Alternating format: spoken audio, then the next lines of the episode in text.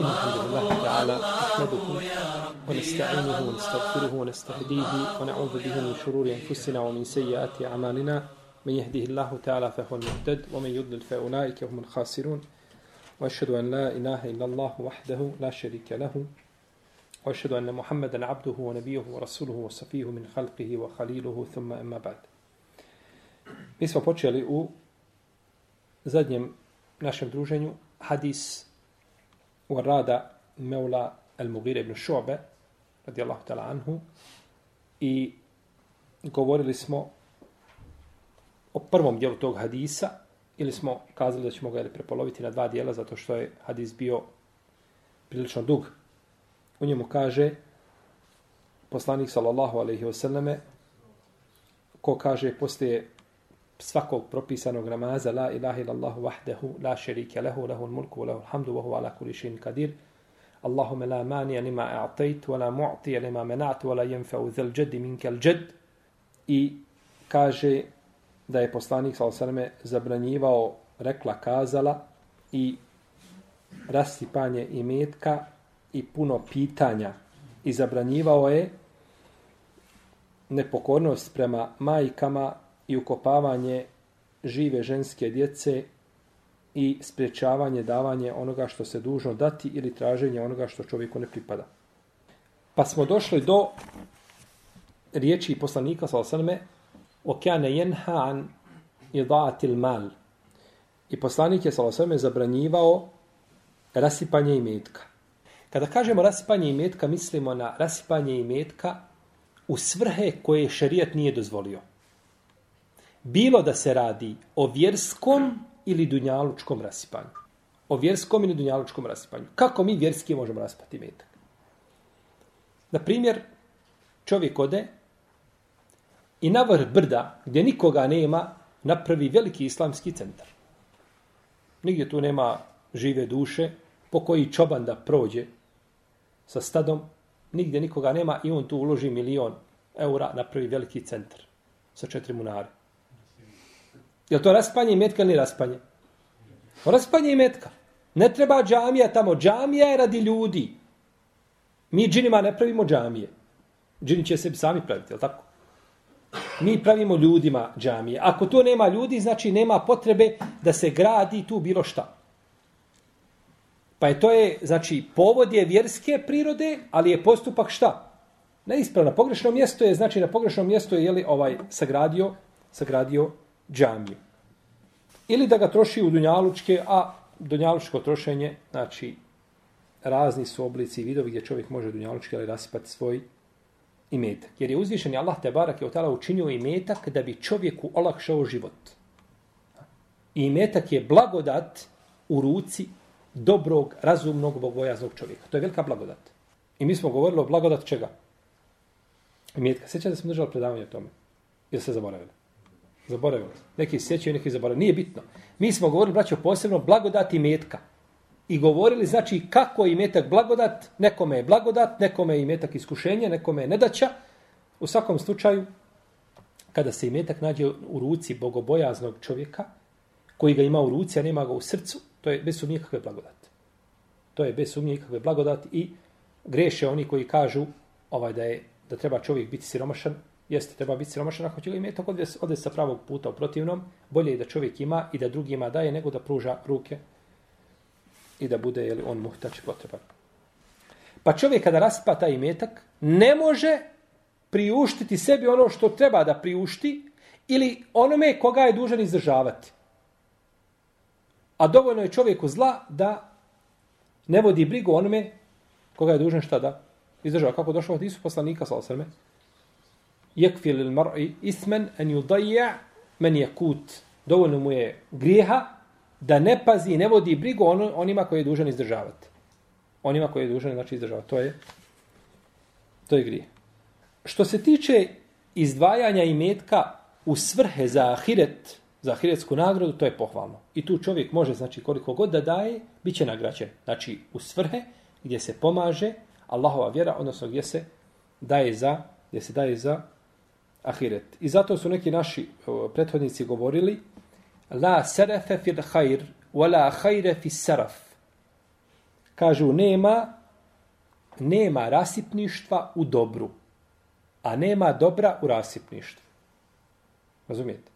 Nema rasipništva u dobru. Kada ulažeš u dobro, ne, nikada se ne tretira rasipništvom. A u rasipništvu nema nikakvog dobra. Pa su znači objedinili šta?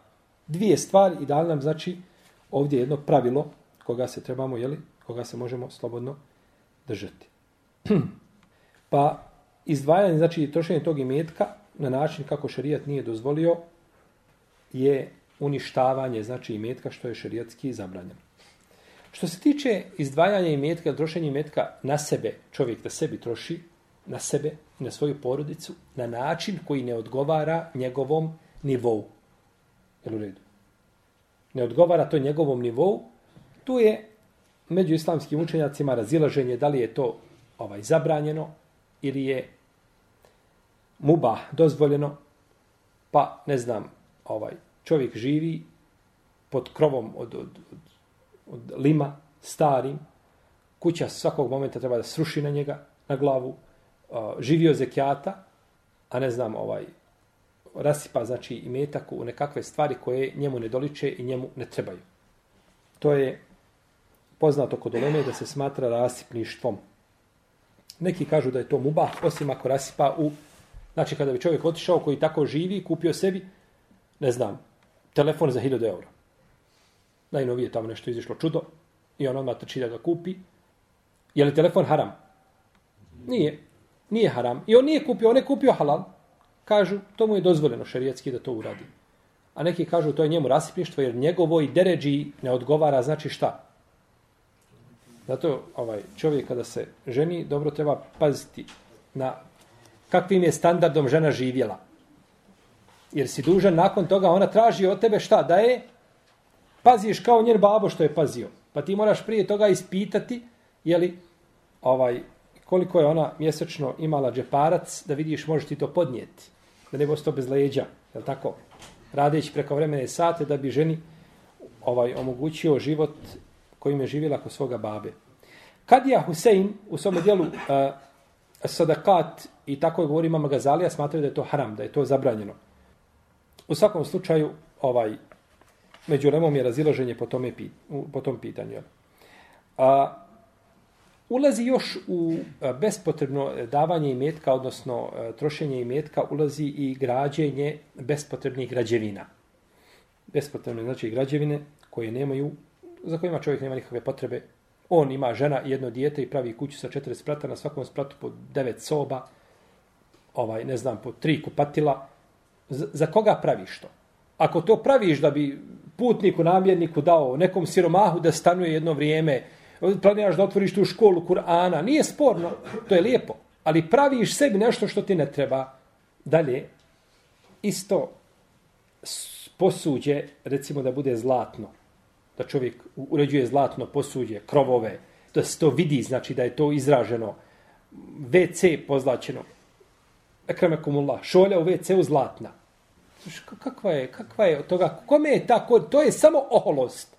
Ja sad tam da čovjek stavi žena da nakiti sva zlata na sebe od, od ovaj, kod, kod Arapa dole kada ima, kada ima svadba, pa žene dođu kada dođu na svadbu, mlada kada dođe na svadbu, one sve plešću ovako rukama, jeli, udaraju, a mlada sjedi ne može. To što je sve toliko natrpano zlata da može dići ruke da udara. Toliko je od, od, od, znači od ramena do ovdje, to je sve, one manje pa veće, pa veće, to su znači ovaj, Ja shvatam, to je nakit i to ljudi vole. A kakva je korist da bude tamo u, u, u Bejtul Halada, bude ovaj nešto od, od zlata? To je to je oholost. Pa je to bez ikakve sumnje, znači rasipanje, rasipanje ili metka. A, što se tiče dunjalučkih prohtjeva, nema smetnje, braćo, da sebi čovjek omogući jedan lijep život. Lagodan život, da uživa u blagodatima, ali ne treba znači da to dođe do stepena preterivanja, A neka olema kaže da je bolje ono što je poslanik sa osrme, što je uzvišeni Allah odobro za poslanika sa osrme i, i, i druge ove poslanike, iako među poslanicima samima ima koji su bili bogati stalno, kao što su bili a, Suleman Ali i Davud, stalno su bili bogati. Imate koji su bili stalno siromašni, kao što je bio Isa Ali Salam i njegov tečić, ko? Jahja. A imate poslanike kao naš poslanik koji su prošli i kroz siromaštvo i kroz i kroz bogatstvo. Znači, bilo je, znači, a, svega. Uglavnom je poslanik, sa osaname uzvišen, ali odabro često da bi se, znači, prolazilo vremena, da, da nimao šta jesti, da ponekad tri dana nikada se nije zastio, znači, a, pšeničnog, znači, hljeba, da bi jeo uzastopno i a, iako je uzvišen Allah e, otvorio njemu, jeli, riznice zemlje. I govorio je poslanik, sa osaname, dovoljno je sinu Ademovom nekoliko zalogaja da ispravi kiču. I braćo čovjekov želudac je kao vreća o, plastična ova. Ona se rasteže. Želudac je tvoj, kažu tako, ne znam to tačno, otprilike kao šaka. Toliki je. A kad pogledaš šta si pojao ispred sebe da staviš, kaže to nikako ne može biti. Zato što si ga razvukao. On se razvuče, popuni, znači sve šupljine što imaju u abdomenu, to ti želudac popuni i onda samo što više jedeš, možeš uvijek više jesti ovaj. Pa je čovjeku kaže bolje nekoliko zalogaja da može ispraviti svoju kiču. Iako ne smeta da čovjek jede, braćo, ako želi da jede više, ne smeta da jede više, ali da ne bude, da bude znači ono trećina jedna i druga i treća, tako? Trećina za hranu, za vodu i za, da može disati. To je dozvoljeno, ali da se prejeda, znači da nakon toga mora ići, jeli, ovaj, tražiti medicinsku pomoć, to je zabranjeno. Kod nekih pravnika je zabranjeno, kažu da je zabranjeno da čovjek daje cijeli svoj imetak da ga da kao sedak. Jer je poslanik, svala sam rekao, ali sabu šta? E thuluthu, u thuluthu kethir. Trećina, a trećina je puno. Daj trećinu. Ali kada je došao Ebu Bekr dao cijeli metak, ništa mu nije rekao. Nije rekao Ebu Bekr uzmi dvije trećina, daj trećinu. Cijeli metak. Šta se kaže, ostaje pored, kaže, ostaje sam ima Allaha i poslanika, sallallahu alaihi wasallam. Pa ovdje neka ulema izdvaja, kažu, ako bi čovjek bio na stepenu Ebu Bekra, kažemo pod navodnim znacima Ebu Bekra, onda su imao takvo ubjeđenje da neće nakon toga žaliti Je tako? Neće žaliti nakon toga. Ne bi smetalo da da. Došao čovjek u džamiju, ne znam, imam održao hutbu o vrijednosti izdvajanja lahom putu. I on sve što ima iz džepova, sve izvedi baci. I dok je izišao sjeo u auto tamo, već glavom udarao volan. Šta ja uradim? Sad bi se vratio nazad i tražio bar nešto. Je tako? Znači, da to ne bude emotivno, nego iz, iz, iz, od svoga imana da, ne bi smetalo Kao što je Omer došao dao koliko? Pola imetka. A to je više od trećine, je tako? Pa njima nije i osudio poslanik. Pa postoje hadisi ovako i ovako. Pa kažu hadisi koji se odnose na trećinu, jesu trećina čovjeka koji se šta? Koji se ne bi mogao strpiti da, da ostane bez ičega. A ako čovjek ima toliko imana da da sve i očekuje da može zaraditi drugo i neće za tim žaliti i tako dalje, onda ne smeta da da ovaj znači i cijeli svoj imetak. U svakom slučaju tu je razilaženje među islamskim učenjacima i trećina je česta kod ovaj alhamdulillah u arapskom svijetu i to je pohvalna stvar među tim bogatašima velikim znači bogatašima da često ostavljaju ljudi trećinu. Trećinu ostavi fi sebi ili lah, a one dvije trećine dijele njegovi nasljednici. I od te jedne trećine, znači koja ostane, ponekad se dijeli po, po deseta godina, ne može, se, ne može se podijeliti. Toliko ljudi ostaje, znači i metka, da, da razum ne može to pojmiti šta, ima, imaju čitavi timovi koji dijele njegovi metak. Znači, kako dijele? Prihvataju. Onaj pravi tamo centar u Maleziji, kaže, evo, milion dolara od nas. Onaj pravi u Americe, evo, kaže, dva miliona od nas. Ovaj pravi tamo, evo, od nas sto hiljada. I ne mogu godinama dijele i godinama i godinama i ne mogu podijeliti. Toliko je uzvišen Allah dao određenim ljudima i metka. I sigurno da je da je taj metak ovaj, u ruci takvog čovjeka koji je tako poručio, njemu, njemu blagodat. Iako, jeli, ovaj, na sudnjem danu, će ući siromasi od muhađira u džennet prije bogataša na koliko? Na pola dana, na 500 godina. Jer je dan na ahiret 1000 godina. Na pola da 500 godina će ući. Pa je, je to dokaz da je bolje imati manje imetka? Vi što vodite na kud nemate pravo da javljate se u... Znači, to je jasno što se tiče vas. Mi hoćemo da čujemo i drugu stranu. Ali su naši ovaj, ovi nukuđani, oni su u pravu. Jer, braćo, čovjek će zaustavljen, on, ne, on će 500 godina ući kasnije u džennet od koga? Od siromašnog. Ali ne znači kad uđe u džennet da neće imati veći stepen od siromašnog.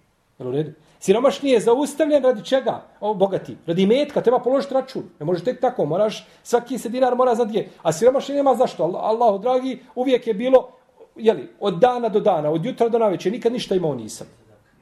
Jeste. I tako da je ovaj, znači ne znači da kad uđe u džennet da će siromašan imati šta veći E sad ti 500 godina što je prednost, 500 godina je puno, jeste.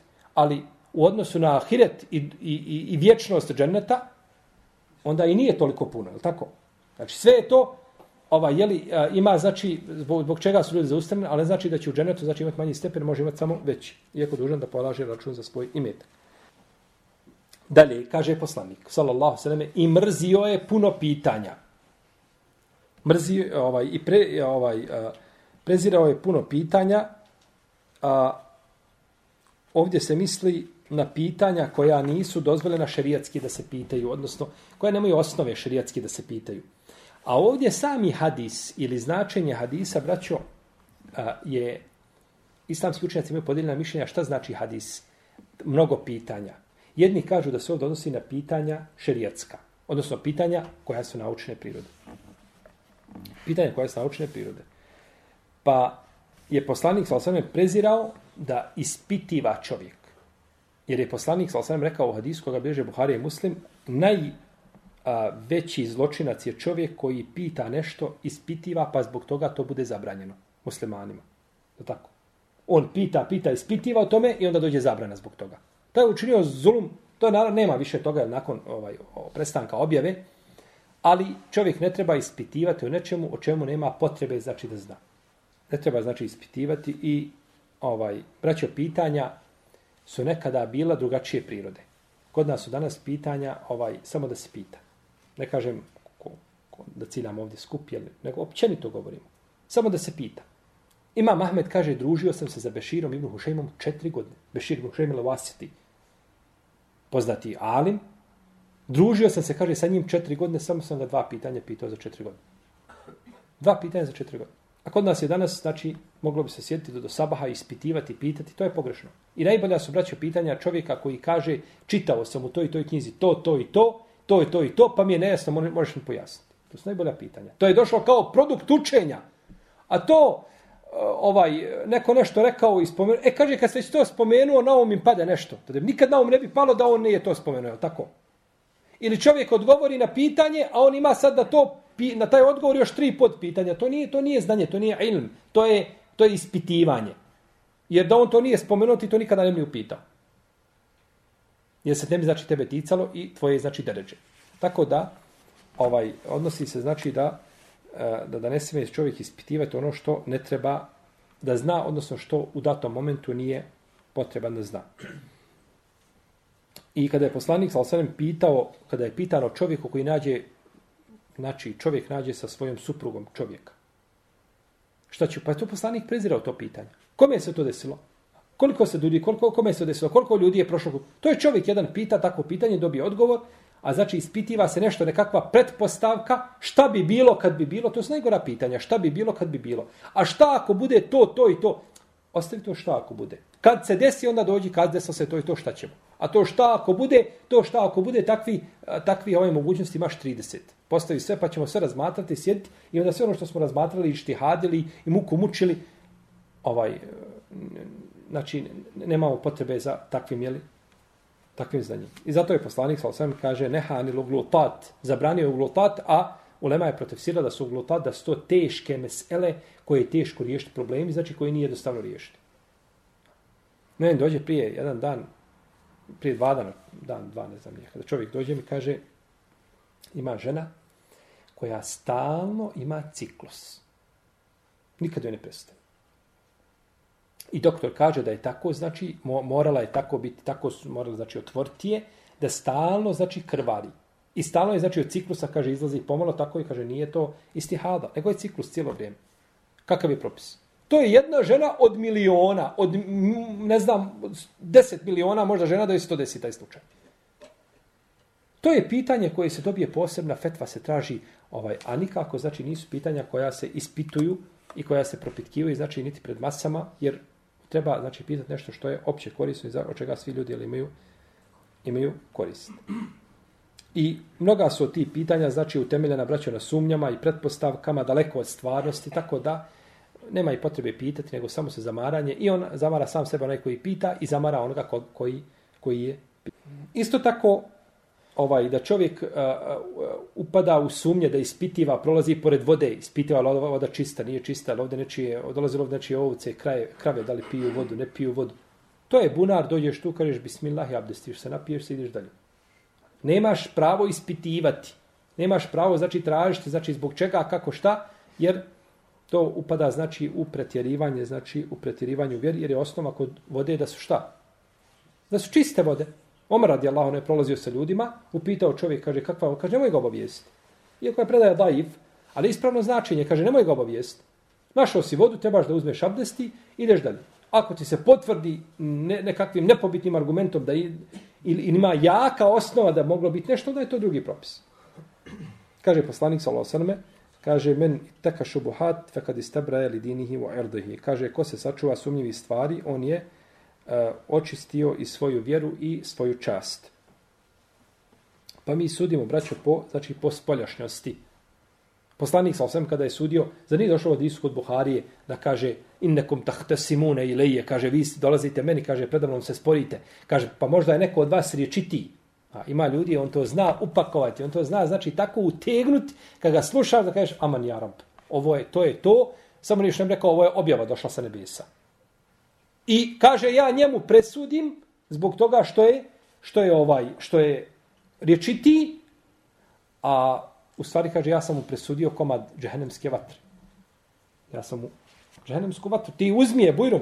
kad je ti je nudi, ti si bio vješ pred kadijom, uljepšao govor, i, i znao dokazati nešto što se ne, ne bi trebalo dokazati i nakon toga kad ja presudio tvoj korist, on ima nagradu zato što je želio istinu, a ti imaš kaznu koji si htio, znači da iskriviš stvarnost. Pa mi sudimo po spoljašnosti. Tako kada dođemo znači, do nekog mjesta, ovaj, e, pitanje vode, pitanje bilo čega, sudi se mjesto gdje ćeš klanjati, ovaj, na parkiralištu si stao, da li ovdje neko dolazi ljeti, da li ima kerova, da li prolaze kerova, da li ne prolaze kerova. Tu gdje stao, staviš sebi, ne vidiš ništa, prostoješ sebi ispred sebe se džadu i kažeš Allahu ekber, Allahu ekber, proučiš jedan i klanjaš. Drugo mišljenje, o čemu drugo mišljenje, ko će kazati? Hm? Drugo mišljenje, spomenuli smo jedno. A drugo, o čemu se tiče ovo drugo mišljenje? Tiče se značenja puno pitanja. Prvo je mišljenje bilo da se odnosi na šta? Na naučna pitanja, šerijatska. A drugo mišljenje je da se odnosi na pitanje, braćo, prošenja, traženje. Da prosi čovjek da prosi da traži od nekoga. Jer pitanje u arapskom sual može biti sual je ja tražim od tebe nešto. Es eluke šeien. Tražim nešto od tebe. Ili tražim materijalno ili tražim simbolično. Pa može se protumačiti kako i na jedan i na drugi način. Drugo, Ulema kaže, ova tumači kaže, to se misli da čovjek prosi i da traži, znači, od nekoga nečiji imetak. I kaže, ovo potvrđuje značenje i prezire vam da raspate imetak. Pa se radi o čemu? O imetko, ne radi se o znanju. Znači, jedno i drugo tumačenje došlo e, ovaj, jeli, kod uleme.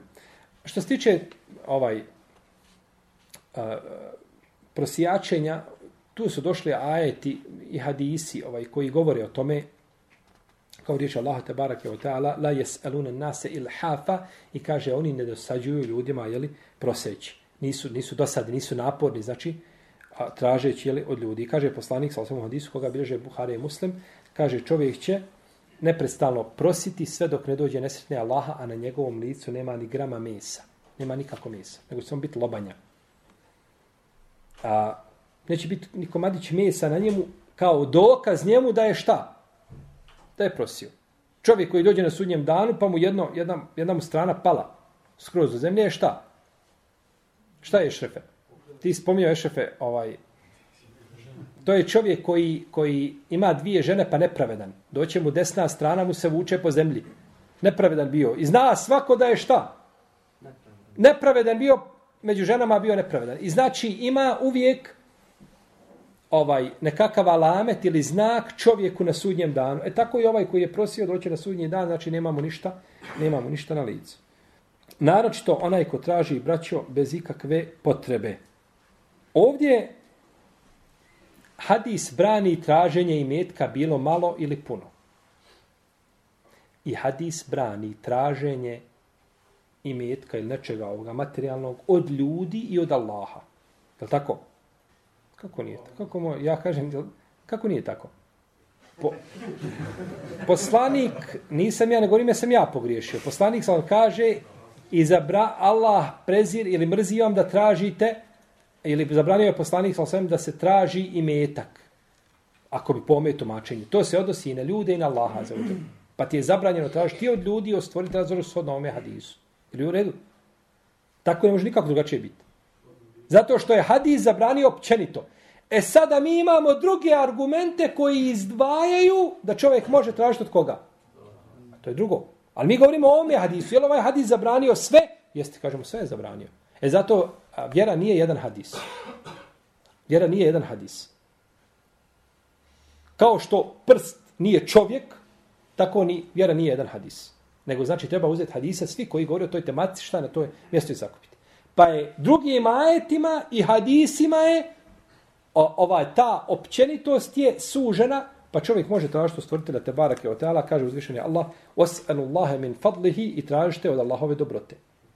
Tražite od Allahove dobrote. A zaključili se to iz hadisa? Ne. E, u tome je stvar. Tu je razlika. Mi kažemo iz hadisa se zaključuje to i to i to. Mora znaći da je takav huk, ne mora značiti. Postoje možda drugi hadisi koji su usmjerili značenje, koji su ograničili značenje. Ovdje je znači došlo was'alu min fadlihi tražite Allaha od njegove blagodati. I kaže poslanik sallallahu alejhi ve selleme Abdullah ibn Abbas kaže wa ida sa'alta fas'alillah a kaže kada budeš tražio traži od Allaha i zato su neki ashabi govorili kaže ja od Allaha tražim da li je bio Džabir koji je bio ashaba kaže tražim so za hranu na sećdi na sećdi tražim so za hranu stvoritelja te barake o te i došlo je u hadisu kada su pitanju ljudi da je poslanik sallallahu alejhi ve rekao kada je upitano traženju od ljudi kaže ako već moraš tražiti kaže onda traži od bogobojaznog od dobrog. Nemoj tražiti od njega ko će ti doći sutra i reći, a sjećaš ti se živi bio ovaj, kako si dolazio, kako si, pa će te obrukati zbog toga što si tražio od njega. Nego znači tražio čovjeka koji je bogobojazan i koji ti neće, znači kada ti da tu sedaku na ruke i pomognete, neće nakon toga više to preprskivati, neće ti više to prebacivati i sutradan da te sramoti među ljudima kako on tebi nekad nešto dao, kako si ti bio u teškoj situaciji i bil preživio da nije njega bilo. Ali ovaj hadis daif. Ovaj hadis je daif, Iako značenje je šta? Ispravno, lijepo značenje. Nećeš ići tražiš kod onoga ko znaš da kome je god dao, gdje god je došao u krug je spomenuo. Eto, nije, nije da prebacivam, ali stvarno sam mu dao toliko i toliko. I onome drugom, nije, nije mi cilj da se hvalim i da ja sad nešto njemu, to Bože sačuvaj, ali stvarno sam tako, tako i tako. To je znači najbolje od takvog čovjeka ne tražiti. Isto tako čovjek koji pokazuje braćo svojom spolje, eh, vanjštinom ponašanjem kako nema. Uvijek tako se ponaša, ovaj, ne znam, ukrpite pantalone, uvijek dođe tako se, ta, tako se, kao da nema nigdje ništa, a u stvari ima. To je dvoličnjaštvo. Znači, ako čovjek nema, govorit ćemo u traženju nečega, ali ne treba znači da se pretvara, jer su, vi znate, braći, čuli se za ljude ashabu sufe, koji se zove, tako? Jel tako? U džamiji koji su bili. Gosti poslanika, sa osanama, u njegovoj džamiji su bili. On je bio Buharere i drugi. I Jedan je od njih umro i ostavio je dva dinara. Nađena su dva dinara u njegovoj ostavštini ili što je ostavio, pa rekao poslani, poslanik za osrme, kejetani. Kejetani. Sa njima će se, kaže, sa ta dva dinara će se pržiti njegovo tijelo. U džehennem. Zato što je šta? Dva dinara je 20 dirhema. To je, nije to puno para. Ali imao je to. A bio je sa ashabu sufa gdje su ljudi dolazili, davali im, znači da prežive od dana do dan, ponekad nemaju, dođu, pitaju poslanika, sallallahu sallam, traže, a nije on nema da im da, pa je poslanik, sallallahu sallam, rekao, kaže, ki je tani, ovaj hadis, kaže, imame neovi šeha Albani da je vjerodostojan. I, jeste, bilježi ga Mahmed ibn Hibban i drugi. Pa čovjek, znači, da ima to, pretvara se pred ljudima, nema, nema, hajmo mu nešto sakupiti, hajmo mu dati. Nema, nema, hajmo opet nešto vidjeti. I vidiš ga, turiš mu u ruku, ne znam, nešto, zato što se tako pretvara da nema. A u stvari ima, imaš ko, budi onakav kakav jesi. A nemoj, znači, a, o, preterivati ni u jednu, ni u drugu krajnost.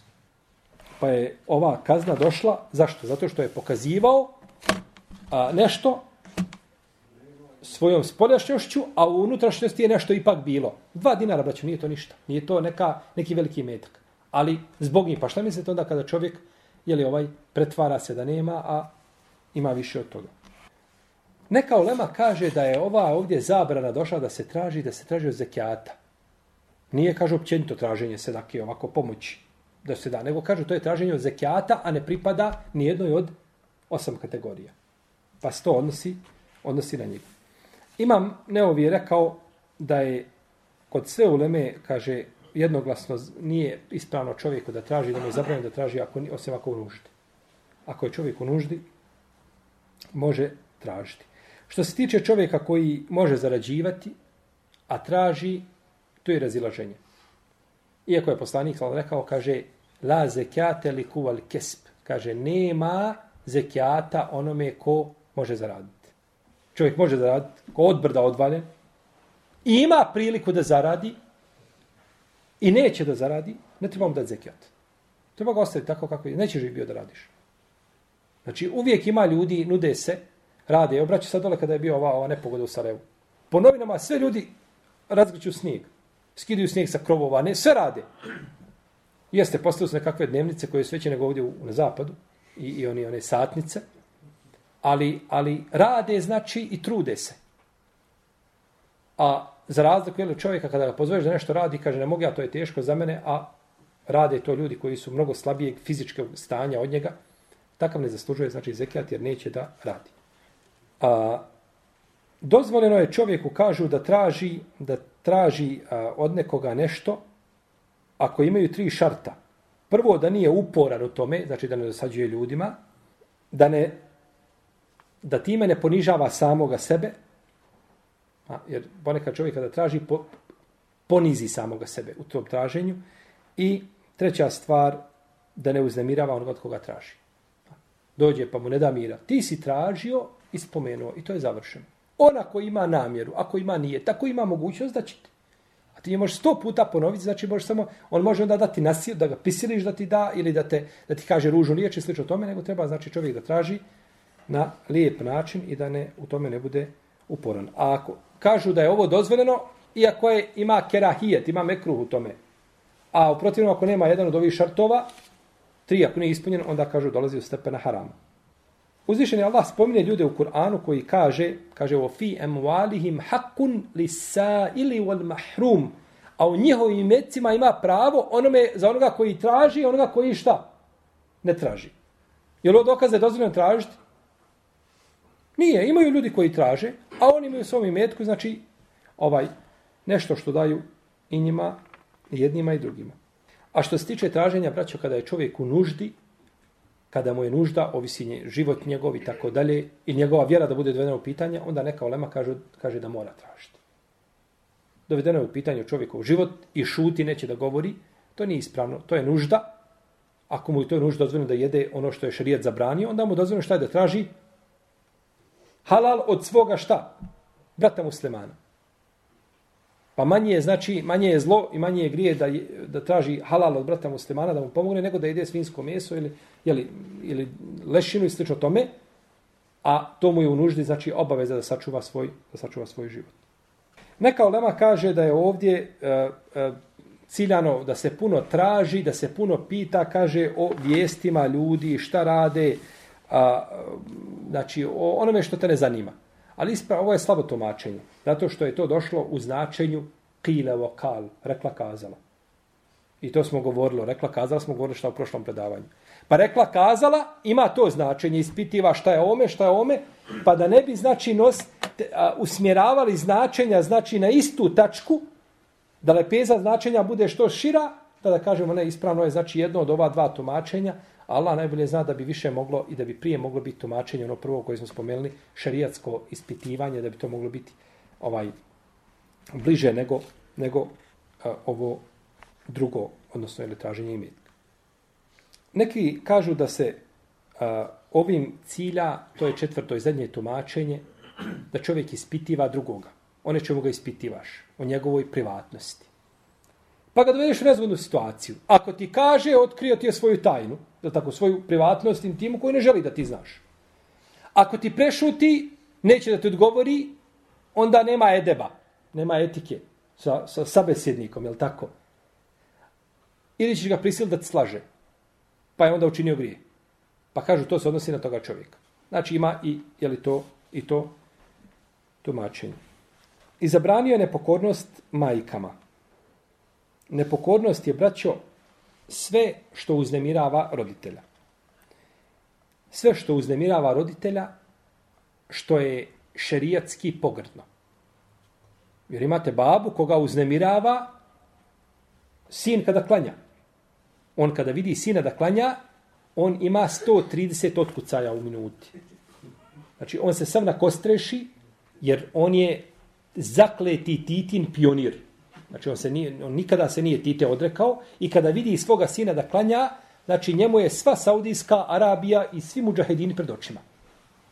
Vidio je on sina da klanja. Znači, to je veliko, zloj veliki belaj. To uznemirava babu. Ali to je nepokornost roditeljima? Nije nepokornost roditeljima. To nije nepokornost roditeljima. To je pokornost Allahu. Te barake otala. On je to naredio. Ali nepokornost znači da biva u nečemu što šarijetski nemaš pravo. U tome čovjek ne smije znači, biti nepokoran roditelj. I Ulema o tome braću pisala posebne knjige. Pokornost roditeljima kao imam Tortuši i drugi pisali su knjige, a pokornost znači roditelju i tu tematiku tretirali zasebno. Kaže imam Ibn Atije u svome tefsiru da čovjek nema pravo da pazi na hatar roditelja ako je u pitanju griješenje prema Allahu, našto u veliki grijesi kada su u pitanju. A kada su u pitanju mubah stvari i stvari koje su pohvalne, tada se mora, i koji su sunet, mora se pokoriti roditelju. Kaže babo, sinu, nećeš praviti kuću u Zenici, nego ima da je praviš kod nas u, ne znam, u Žepču ili u Sarajevu ili u Bihaću, nije bitno gdje.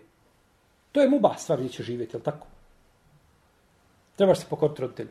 Babo te, ovaj, babo kaže idemo raditi nešto, kaže ja babo moram duha klanjati sine, kaže moramo požuriti, kiša će, pokisnuće sjeno. Ne, pokori se babi, ostavi duha namaz i idi radi sa babom. To je stvari koje nisu obavezne šarijetski. A tebi je pokornost babi obavezna. Pa je, znači, treba se čovjek pokoriti. I ovdje se često braća pitanje postavlja od strane naše omladine, koji su ulazeći u vjeru željni znanja. Pa kažu, možemo li mi ići studirati bez babo i mama ne daju. Jel tako, babo i mama dok im spomeneš, znači od Istambula pa južnije, ovaj, njima mrak na oči padne. Kućeš dole, kakav ćeš mi se vratiti? I ne daju da se ide dole. E sada kaže, smijem li ja otići dole da, da učim? Kaže mu, ne smiješ. Ne smiješ ići stjecati nauku ako babo i mama ne. Ali kaže, babo mi je takav, babo ništa. Ne, babo, ostani. Čovjek je, braćo, krenuo u džihad. I kaže poslaniku, sa svema, Allah posljeće, evo me, kaže, došao sam, idem u džihad, a kaže, ostavio sam, kaže, roditelje da plaču. Kaže, idi nazad, kaže, razveseli ih kao što si rasplakao. Neš u džihad. A džihad je bio fard kifaje, nije bio fardaj, nije bio na svaku osobu. Fard kifaje, to je znači fard koji je šta? kolektivnog karaktera, koga uradi dovoljan broj ljudi, spada sa ostali. Ili ti babo kaže, nećeš ići na dženazu nekome. Babo neće na dženazu. Danas nema dženaze. Jer dženaza tebe nije šta? Uvijek će biti muslimana, ali tako koji će klanjati, obavit će 100, 200, 300 ljudi, će 50 obaviti, ne mora i drugi doći da klanjaju. A ti se pokori svome babi. I koliko braćo, ljudi griješe u tim pitanjima zato što ne poznaju propise. Ja odo, ja odo babo, ja sam sebi rezervisao kartu za Medinu, za Rijad, za ne znam, za Kairu. I ja odo babo, ti kada bi se prevrnuo u grobu. Ja odo. To je pogrešno. To je zabranjeno. Imam Ishak ibn Rahavoj, kako se spominje u fetvama, odnosno u pitanjima Ishaka i imama Ahmeda, je govorio, kaže, da je zabranjeno čovjeku da iziđe, a, da uči znanje osim uz dozvolu roditelja. Osim, kaže, ako bude u nedaćama koje ne može liječiti nego učenjem, pojasnit ćemo ovo. A kaže, za na file ne treba, za na file ne treba, za na file, kaže, treba dozvola roditelja. Za na file treba dozvola roditelja. A to stjecanje znanja je na fila. I kaže, imam El Khatib El Bagdadi, što se tiče, kaže, znanja koga mora poznavati svaki čovjek, kaže, otiće i stjecat će ga, a ako izlazi bez dozvole roditelja u protivnom, kaže to je zabranjeno. I isto imam Zehebi navodi neku ulemu, imam Zehebi je samom njemu se to desilo da, da mu je majka sprečavala da izjede uči nauku. I El Basri isto tako, Nesađ, kada je izišao, ni izišao je da, htio da se da stječe nauku, pa mu je majka zabranila, pa je izišao posle nje kad je ona umrla. Nakon nje je otišao. I to spominje isto, imam Zahebi u svom djelu Tezkiratul Hufaz od Mohameda ibn Bešara, poznato kao Bundar. Veliki jedan muhaddis, majka mu nije dala, te kad je umrla, onda on otišao sjeti nauku. Pa kažemo, nemoj ići sjeti nauku. Neko kaže, pa dobro, kako? Ima li babo? Nema babo pravo da brani. Ali ako ti zabrani, moraš mu se pokoriti. Pod uslovom. Da u zemlji gdje boraviš imaš mogućnost da naučiš kako ćeš biti musliman, da naučiš svoju akidu i da naučiš osnovne stvari fika. Namaz, pozdje, ono što je vađibi koji su ti, možeš to naučiti svoje zemlji i babo ti brani da iziđeš u zemlju gdje možeš naučiti, ne smiješ putovati, moraš se pokoriti babu. Jedino kada bi došlo, ne znam, ja znam ovaj akidu, ali ne, nema me ko poučiti ispravnom vjerovanju. Kako da vjerujem Allaha. Nema me ko poučiti kako da ispravno klanjam. Kako se ispravno klanja? E onda, zaista kada bilo tako, a ne, ne vjerujem da tako ima zemlja danas, da u njoj nema neko ko može poučiti čovjeka, e onda je to druga stvar. Tada se ne bi babo pitao. Tada je učenje tvoje ulazi pod hadis, talebul ilmi feridatun ala kulli muslim, stjecanje nauke, je farz svakom šta? Muslimanu. Ovdje nauke, o kojoj se nauci misle? O temeljima. O temeljima. Pa ne mora svako braće od vas znati pitanje mesele fika razvoda braka, ne znam, i finese vezane za posti, za, za, za. Ne mora to znati. To mora znati jedna skupina koja će ljudima izdati fetve.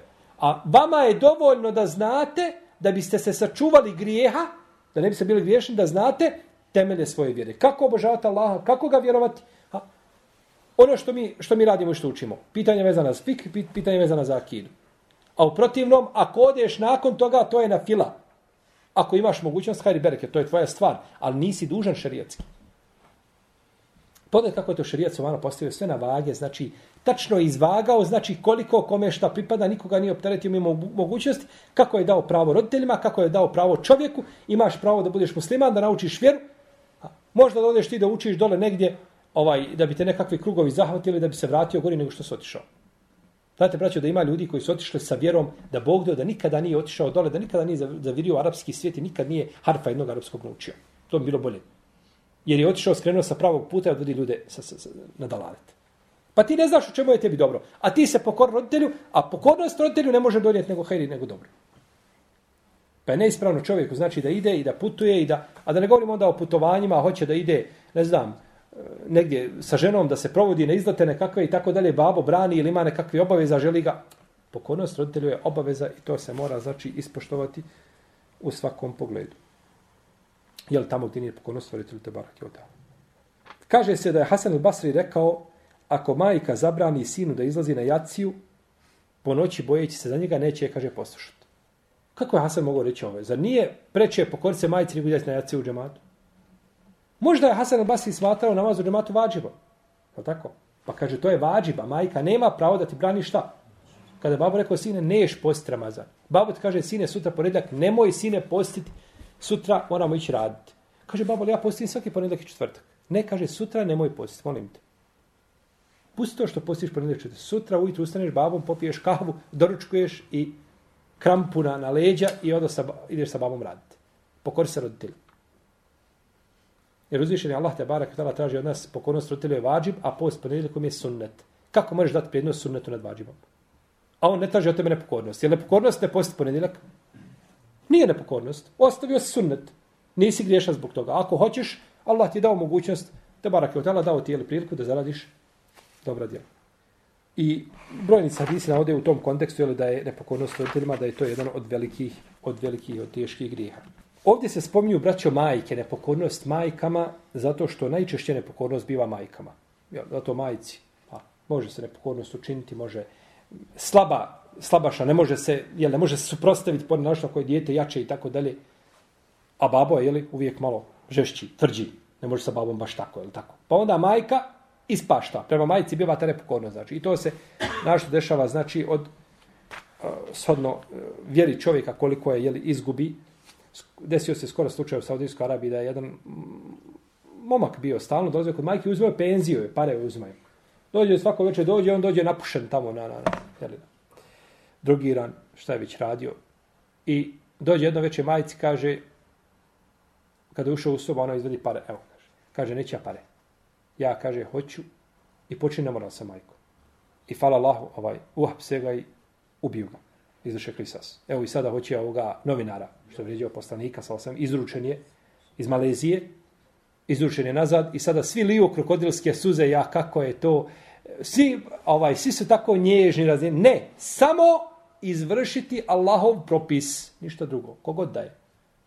U Saudijskoj Arabiji po njihovom zakonu, a to je šerijatski zakon, ko vređa poslanika, sa osam, taman se pokajo, to ti ne možeš koristiti.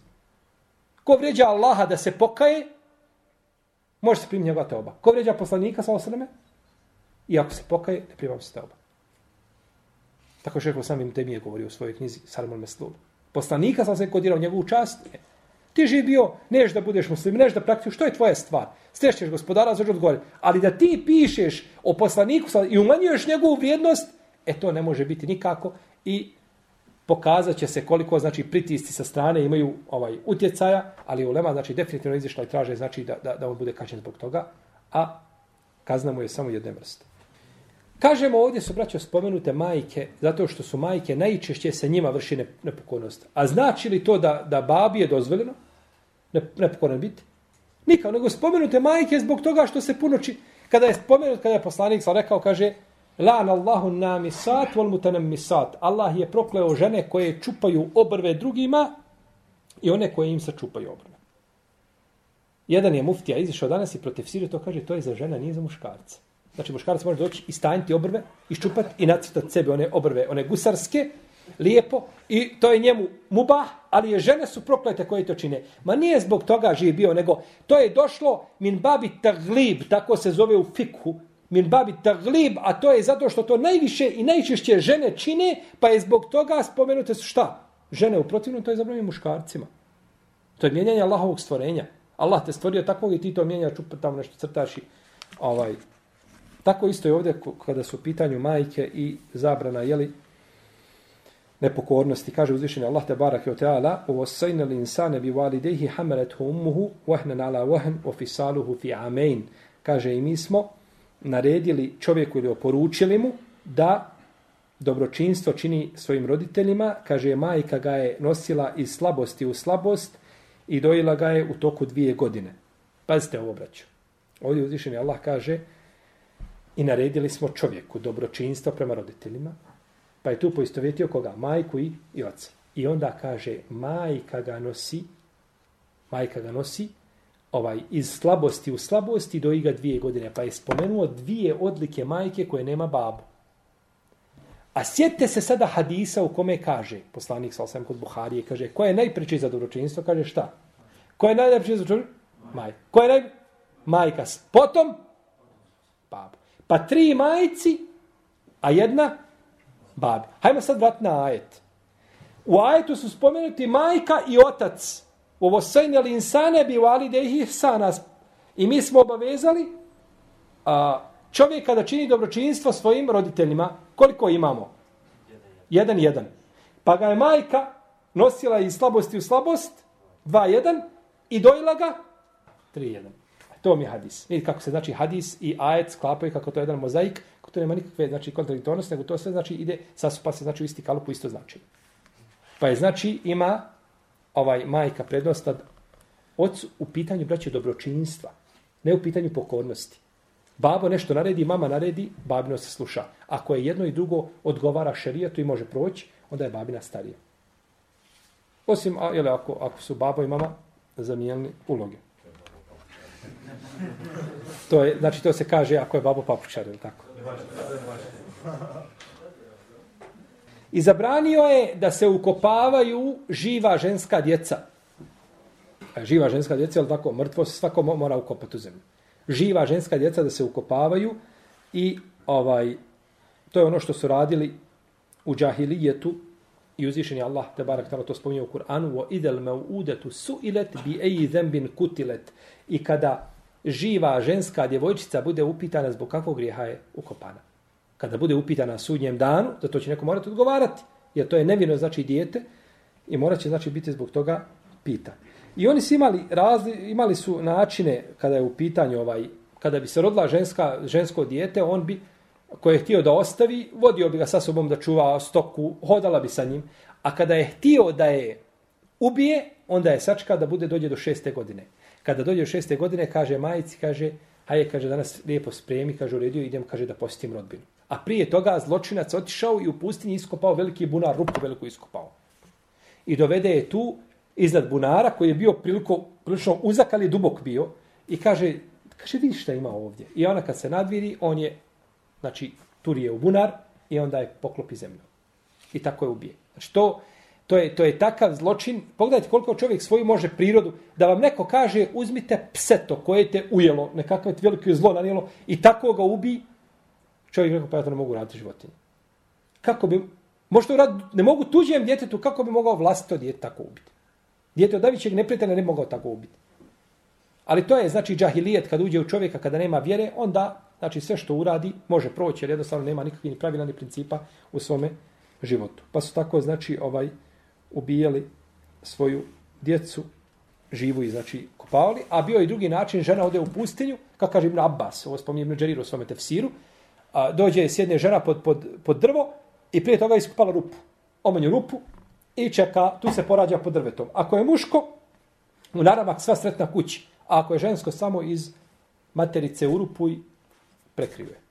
I ubije odmah. Znači, bilo je, bilo, imali su oni različite metode, znači, ubijanja ovaj ženske djece u jeli, paganstvu. I pogledajte onda kako je došao islam i izbavio ljude iz tmina na svjetlo. I dao ženi mjesto kakvom nikad nije mogla maštati.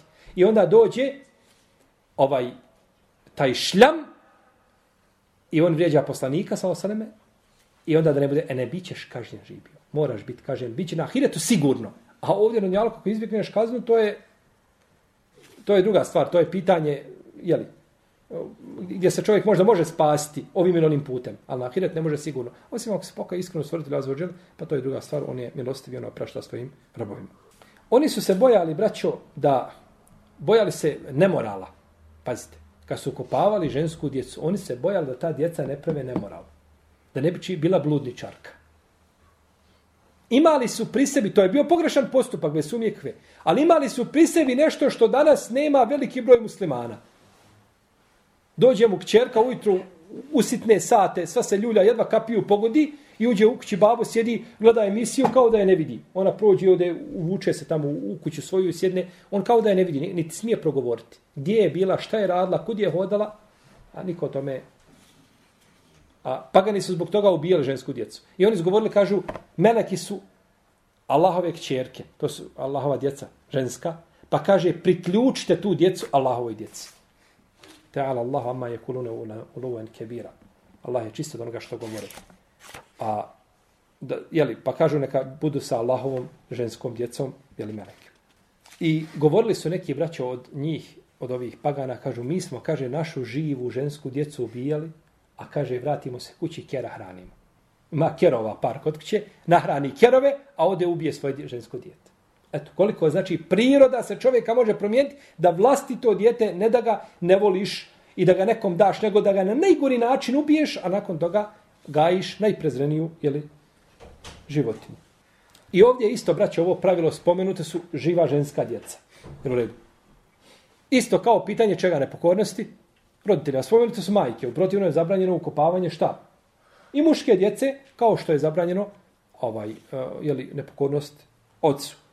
I ovo je, znači, jedan od velikih grijeha ovaj, koji je spomenut, znači, i pored toga što je velikih grijeha, on je i prekidanje rodbinskih veza. Jer ima li veća rodbinska veza između koga? Između djeteta i roditelja. To je najveća rodbina, nema veće rodbinske veze. To je, to je ubuvat, očinstvo. Najveća veza, ona je prekinuta tim. Pa je to znači zločin i sa te druge, znači, strane. I ome hadisu je dokaz da je zabranjeno ubijati osobu koja je nevina i koja nikoga ubila nije. I ovdje se kaže dalje da je zabranjeno čovjeku da, a, kako je došlo u hadisu, jeli ovdje, što smo spominjali, u e, menul vahat, da je zabranjeno čovjeku i da sprečava, da, da, da sprečava davanje onoga što se treba da, davati ili da traži ono što mu ne pripada. Znači, jedno i drugo, jer čovjek može biti, znači imati jedno drugo značenje. Jer čovjek ponekad ne daje ono što je dužan dati, a, a ovaj traži ono što mu ne pripada. Pa je znači o to isto tako a, zabranjena stvar. Ovo bilo nešto o hadisu Al-Mugire ibn Šobe, koji je zaista veliki hadis sa velikim značenjima, a mi smo, braćo, nastavili da ga skratimo ovaj ono što je za nas bitno. A uvijek imamo materije još ovoliko i još toliko da pričamo, znači što bi vas možda izmorilo te nekakve finese, mi spomenemo znači ono što je najbitnije za nas da znamo i da, da, da možemo znači zapamtiti, da možemo ovaj da možemo jeli, e, pa ćemo inša Allah u narednom druženju nastaviti sa hadisom Sumeja, a to je treći hadis u poglavlju kom? Dova, zikr poslije namaza. Zikr poslije namaza, jest. To ćemo govoriti nekada u martu.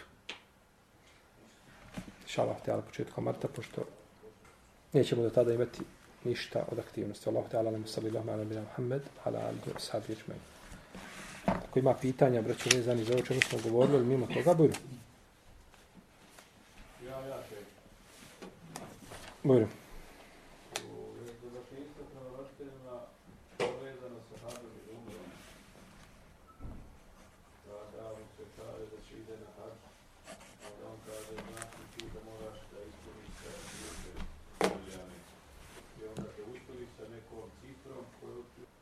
Razlikuje se tu, u tom pogledu se razlikuje hađ i umra. Hađ i umra se znači razlikuju zato što je, zato što je hađ obaveza, a oko umre postoji razilaženje. Znači oko obaveznosti umre postoji razilaženje. Ako se prihvati mišljenje da je umra obavezna, onda bi a, onda bi propis bio isti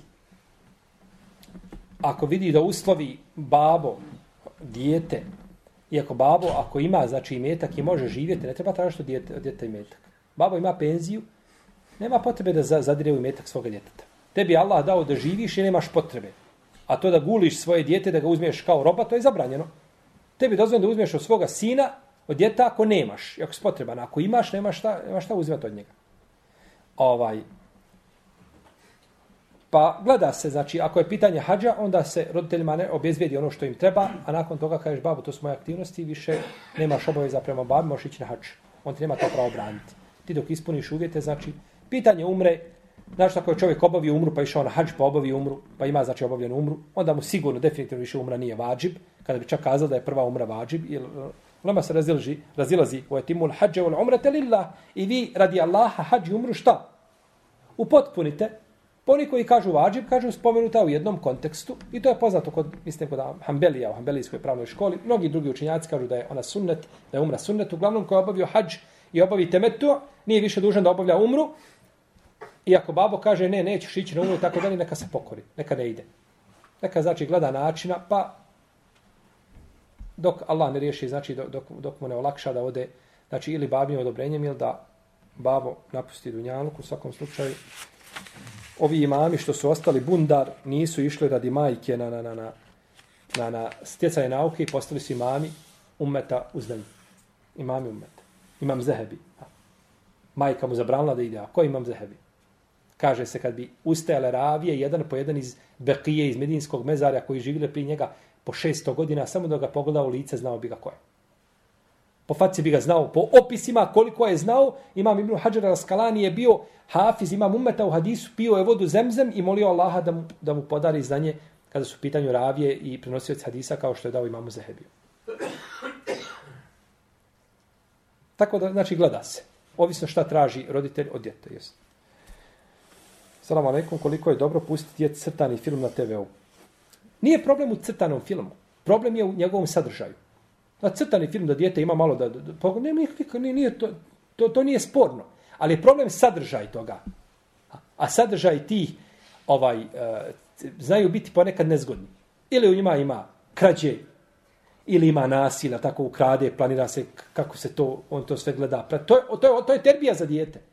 Ili ima nekakva, um, tamo, ljubavna nekakva ova veza, jel tako dođe, on ju poljubi, onda ono srce gore ide iza one zgrade, ode pa se gore raspukne, jel tako? A to dijete gleda kako to ide, kako to imaju dvoje, kako, jel? I to je odgoj, to je terbija za dijete. Pa se gleda, znači, šta je, šta je od toga, znači, i šta može koristiti, šta može štetiti čovjeku. Jel tako? Ono, šta može djetu štetiti. To je kod nas e, greška, znači, ne znam, te naše produkcije koji rade već. To trebali, ima mnogo za prevoditi te, te crtani filmova s arapskog jezika, ovaj na filmovi arap crtani, ali kroz njih dijete uči vjeru. Jako zanimljivo.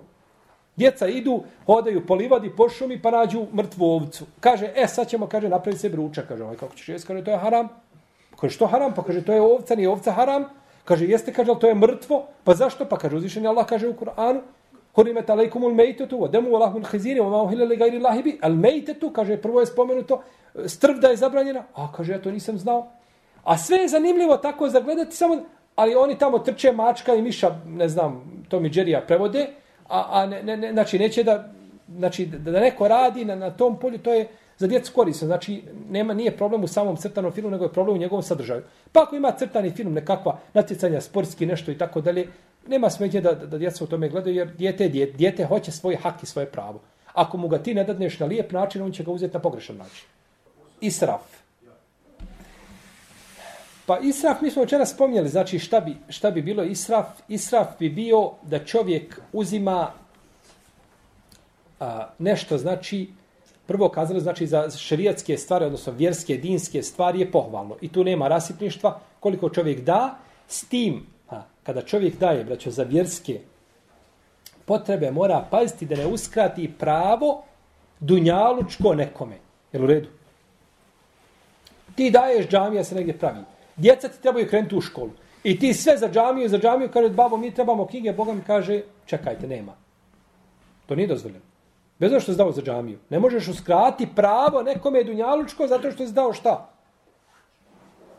A u protivnom davati za ahiret, a možeš podmiriti to dunjalučko pravo, nema smetja nikakve.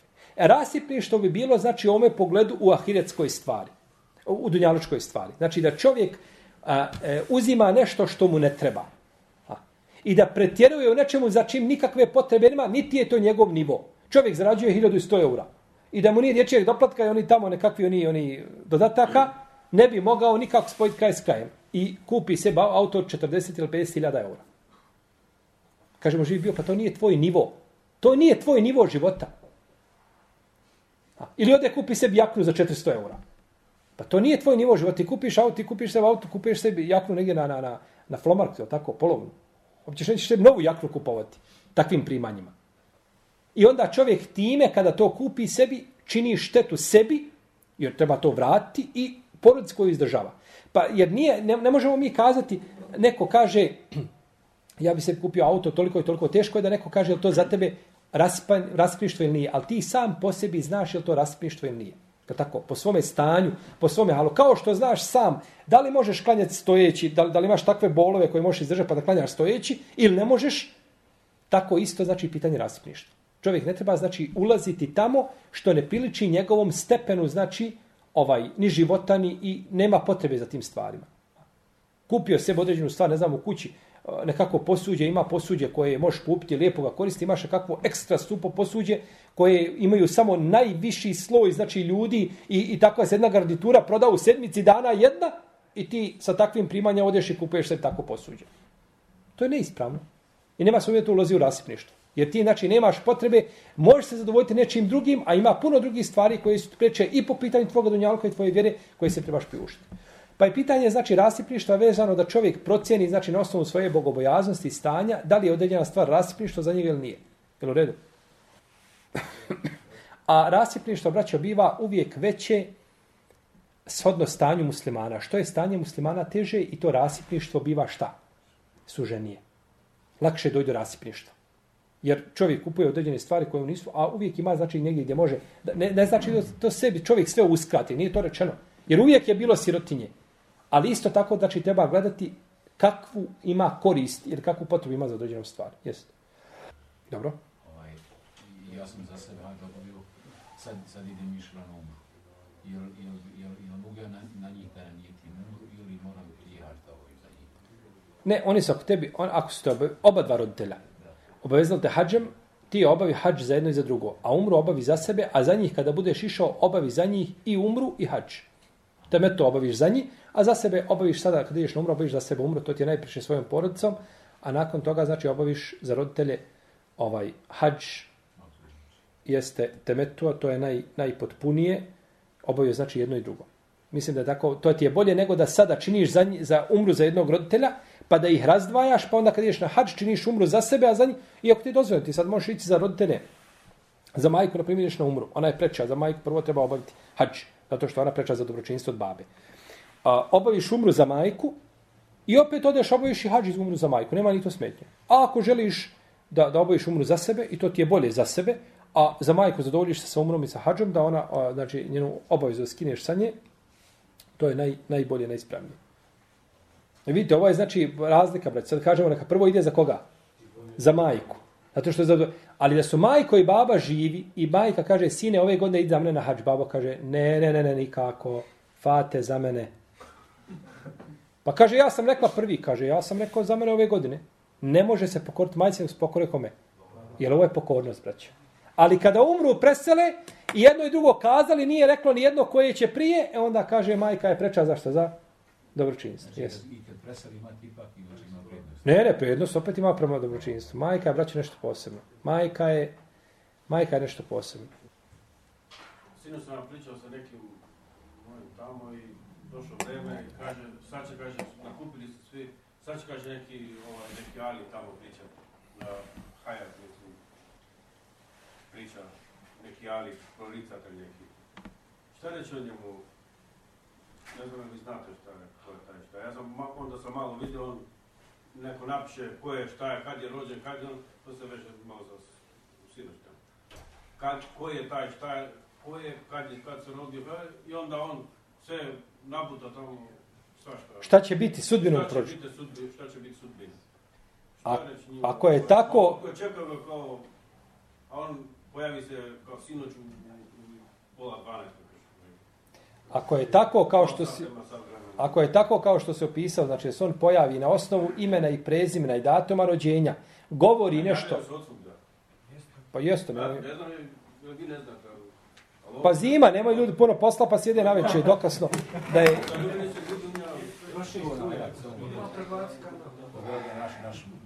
naš narod, znači, braćo, naš narod samo dođi, predstavi se kao onako turabi, onome onako pakovanju. Dođi, samo predstavi da ti nešto znaš, džini šeitani, ti, ti nešto prodišeš sudbinu, ti nešto... Znači, igra, ovako se možeš igrati sa narodom. Dođi mu, pričaj mu o vjeri, on je najpametniji. Ne da se pričnika. Blokade sa sviju strana ima. A kada dođeš i prodaješ mu maglu i pričaš mu kako će biti nešto, kako će ovaj, kako će onaj, u sve ti vjeruje u tebe, gleda kao u, u nekakvo jadan bilahi božanstvo. A što najviše oni, oni potvrde, potvrdani sa druge strane, potvrde, jest tako, jest tako, jest tako, pa onda... Pa jest tako, taman tako rade sihirbazi, upravo džini ga obavještavaju, on sjedi u studiju, dolaze mu džini i pričaju mu ko je nazvao, dakle je nazvao džin to provjeri, ona je za treptaj oka otišao i- i frit i donio, jel tako, ovaj prijesto Belkise, jel kažu Belkisa, ispred Sulejmana, ali se nam u, u, u, u Šam. On ode na brzinu, znači do Fate, tamo ispita Fatu, vidi šta je, oslika situaciju, rentgenom to snimi, vrati, kaže tako i tako i ovaj govori i Fate tamo sva se ovaj ibrati i ovaj kako, kako, kako on pogađa njenu sudbinu. Pa to jeste, ali, ali je problem u tome što ljudi ne znaju pozadinu toga. A dovedi nekog efendiju bogobojaznog hafiza koji se boji Allaha i tako dalje. Hafize šta ti kaže o tome ništa ne znam. I je behut. I ne znao. Hafiz ne zna, a ovaj zna. I sad ćeš mene reći kako je Hafiz bolji od... To je, to je neznanje, to je džehl koji ljudi imaju pri sebi. A da zna, znači, pozadinu odakle on to uzima i kako dolazi do tih informacija, ne bi tako, ne bi tako razmišljao.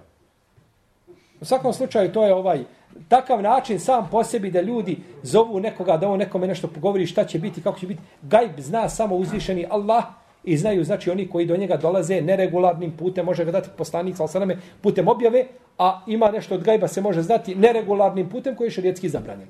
Allah ga ostavio ljudima kao iskušenje i fitnet u koji je upao taj ali specijalac i slični njemu. Jeste.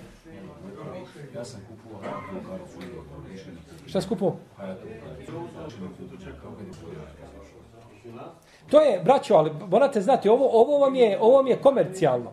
Oni nabave takvog jednog, znači tu, ovaj, e, zabavljača i eto vam, znači, po- posjetitelja i gledalaca i ljudi koji kupuju i prodaju, znači, to, to je to je sve, znači, to je trgovina, tr, trgovanje sa ljudskim razumom. Molim, ima to svoju sekretaricu, pa ako, ako on ne može da stigne, ostavite a, to je firma cijela, ma.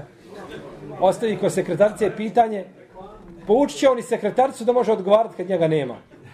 Aha, ono onako, te da, da može vjera prolaziti sunnet kao što mogu prolaziti ovaj ove, ovi, ovi vraćanje i gatanje do sad bi, bi, bilo bi vratili bi vrijeme ashaba u Bosnu. Allahu ta'ala, sallallahu alaihi wa sallam, wa ala alihi wa sallam.